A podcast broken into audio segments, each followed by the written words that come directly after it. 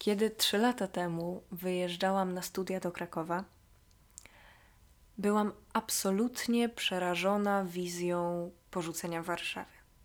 Nie, żebym miała jakikolwiek sentyment do architektury, bo w moim skromnym przekonaniu e, Kraków jest o niebo piękniejszy i przede wszystkim centrum w Krakowie to nie są podniebne apartamentowce ani metalowe pręty wbite w ziemię, na których powstaną kolejne przeszklone apartamentowce.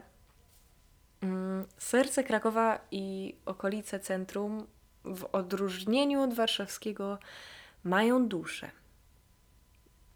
Za moją Warszawą kryli się przede wszystkim moi przyjaciele z liceum i dom. I bałam się tego, że skoro ten Kraków to i tak tylko na chwilę, no to że potem jak wrócę do Warszawy, no to w sumie nie będzie gdzie i do kogo. No, ale urządziłam sobie całe życie w jednym pokoju w Krakowie, zamkniętym na kluczyk i we wspólnej kuchni, w której przecinały się szlaki i humory moje i moich współlokatorów. Mm. Inaczej niż dotychczas moja codzienność oprócz szkoły musiała pomieścić jeszcze sklep spożywczy, urzędy, opłaty i Rossmann, akurat jak się skończył papier toaletowy. I ja, nikt inny, musiałam to przewidzieć, że lada dzień ten papier może się skończyć, a nie daj Bóg, żeby akurat była niedziela niehandlowa. I planowałam obiady, pakowałam je w pudełka, czasem rozdawałam nadwyżkę znajomym. Musiałam myśleć na zaś, na wszelki wypadek, bo i tak nie miałam mm, nikogo, do kogo mogłabym mieć potem pretensje o niedopatrzenia, pustą lodówkę i spleśniałe warzywa. Ale to właśnie pomogło mi się zadomowić i poczuć naprawdę u siebie. Mam kilka takich małych tradycji, żeby pozbyć się tego uczucia, jakbym była w gościach. Na przykład wycieczka do Ikei, choćby tylko i wyłącznie na hotdożka za dwa ziko. Albo po kubek. Najprawdopodobniej identyczny jak te wszystkie, które już posiadam. Ale z okazji przeprowadzki naznaczony na mój nowy, ulubiony tutejszy. I roślinę, której zawsze kibicuję, ale kurczę, wychodzi na to, że chyba coś marnie trochę moim guilty pleasure, a trochę sposobem na to, żeby poczuć chociaż przez chwilę i na niby, że umiem w życie, jest spacerowanie po mniejszych sklepach spożywczych, bazarkach z warzywami. W ogóle to jest strasznie śmiesznie brzmiące słowo. Bazarek. To słowo, no, to słowo kipi od przepychu, nadmiaru wszystkiego, tandety i szemranych miejscówek, w których można sobie zrobić pazurki. I to może próżne, żałosne i w ogóle nie na czasie, ale jestem jedną z tych osób, które kochają planować wyprawy do Lidla. Nawet gdyby był na końcu miasta i miałabym poświęcić na to pół soboty.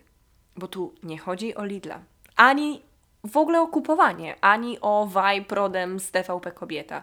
Tu chodzi o cały ten rytuał. Przeglądanie książek kulinarnych w poszukiwaniu pyszności, których nigdy nie robiłam, a które wyglądają um, po prostu jak niebo. Odpowiednio spisywanie listy zakupów na wąziutkim pasku. Moja mama tak zawsze robi, a ja to robię po niej. Ja wiem, ja wiem, Wydawałoby się, że nie ma większej filozofii w stworzeniu listy zakupów. Otóż, moi drodzy, jest. A potwierdza to nieco inna dokumentacja rzeczywistości, czyli moja skromna kolekcja odnalezionych list zakupów obcych ludzi. To jest takie inne zboczenie. Mm, są fani małych kolorowych karteczek zapisanych maczkiem, ale są też tacy, którzy wolą zabrać ze sobą całą płachtę papieru na której pomarańczowym flamastrem mają chaotycznie namazane nazwy produktów. No więc znajduję te przepisy i spisuję listę zakupów i gości i wymyślam, kogo nakarmię, kogo zaproszę do siebie na obiad albo kolację ze śniadaniem, bo tu jest jeszcze jedna sprawa. Mm, ja lubię gotować pod warunkiem, że mam dla kogo. Bo co to za radość i przyjemność, kiedy ma się ją tylko dla siebie. Tak jak z odkrywaniem wspaniałej piosenki. Ona brzmi naprawdę ekstatycznie i znacznie lepiej wtedy, gdy ma się ją komu pokazać i się okazuje, że ona też komuś robi dobrze. Sporo zastanawiałam się ostatnio nad tym, skąd mi się to wzięło. Nad całą tą kulturą jedzenia, nad tym, że jedzeniem celebrujemy, uszczęśliwiamy się i siebie nawzajem, co też czasem rodzi różne historie z kompulsywnym objadaniem się. I że jedzenie w jakiś sposób jest stabilną częścią każdego mojego dnia, że wprowadza jakiś porządek. Tym, co na początku pandemii pozwalało mi i mojej przyjaciółce, z którą wówczas mieszkałam, wygrzebać się z tego chaosu i chwycić czegoś pewnego, był obiad. Śmiałyśmy się nawet ostatnio mm, z tego, że nieważne co się działo, co się robiło, albo częściej to czego nie, obiad musiał być. Tak jak niedzielna wizyta w kościele, rosół i udko z kurczaka u babci, jak się miało tam 8 czy ileś lat. I rok temu w marcu nieraz się zdarzało, że ja już od rana ledwie zjadłam śniadanie, to już czekałam na ten obiad, na tę czternastą, kiedy wynurzałyśmy się ze swoich pokoi i zaczynałyśmy wymyślać i gotować. Ale co zrobić, kiedy w tamtym czasie, który gdyby był jedzeniem, byłby szarym budyniem? To była jedna y, z naprawdę nielicznych rzeczy, którym oddawałyśmy się. Y, kiedy nie podglądałyśmy naszych sąsiadów.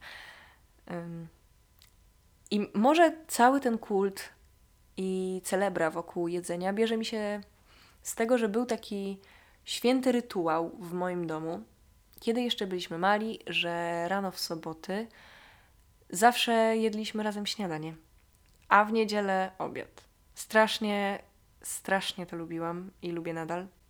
Do tego stopnia, że jak miałam 13 lat, yy, zrywałam się o 6.30, żeby zrobić mojej rodzinie niespodziankę. Upiec gofry, takie z myszką Miki, i przygotować kanapki z jajkiem. Oczywiście zanim wszyscy wywlekli się z łóżka, to wszystko było zimne i suche.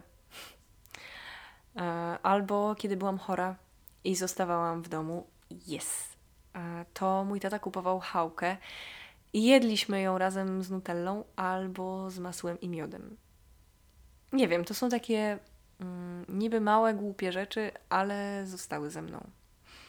A nawiasem mówiąc, absolutnie nie identyfikuję się z tą grupą ludzi, która przyzwala na nutellę w obecności, tudzież towarzystwie masła.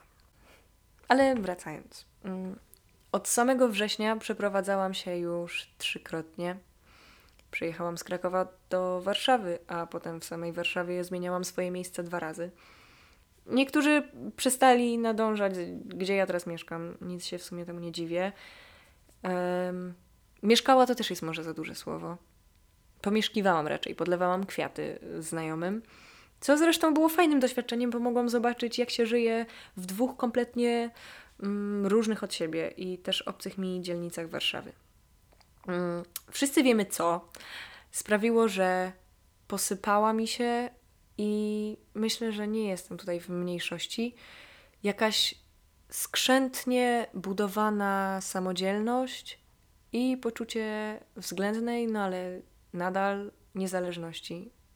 I że halo, to musi być jakiś błąd, to nie jest ta kolejność, że po tym jak już urządziłam sobie życie po swojemu, nagle musiałam to wszystko zwinąć, zapakować w walizki i paczki i wrócić do domu.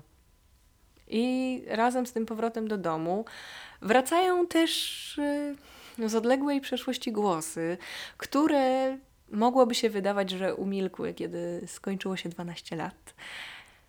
I nagle ktoś ma coś do powiedzenia na temat tego, że idziesz do kina mm, w spodniach od piżamy. Co z tego, że nikt poza tobą tam nie chodzi albo że o 22 chcesz wyjść jeszcze kupić lody.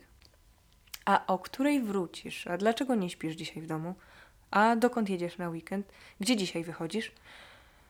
A nie chcesz rozgadywać na razie, że idziesz na randkę. Dlaczego z nim? Dlaczego nie z nią? I tak oto mamy wielki powrót statusu dzieciaka, mimo że masz już dwadzieścia kilka lat. I uspokajam. nie stoją za tym żadne życiowe perypetie, żadne historie ze zwrotami akcji. Nikt nie wyrzucił mnie na szczęście z mieszkania, nikt na szczęście um, nie, nie rozstał się ze mną, więc nawet nie uraczę Was dzisiaj love story bez happy endu. Natomiast gdyby ktoś chciał posłuchać o miłości, odsyłam do poprzedniego odcinka.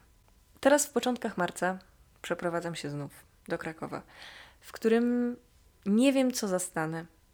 Przyznam, że całkiem pokochałam się na nowo z Warszawą i jestem pod wrażeniem, jak zdolny jest człowiek do oswajania zmian. One najpierw uderzają z całym impetem, powodują strach, dezinformację, ma się poczucie, że wszystko, co się miało dotychczas, rozsypało się w drobniutki mak.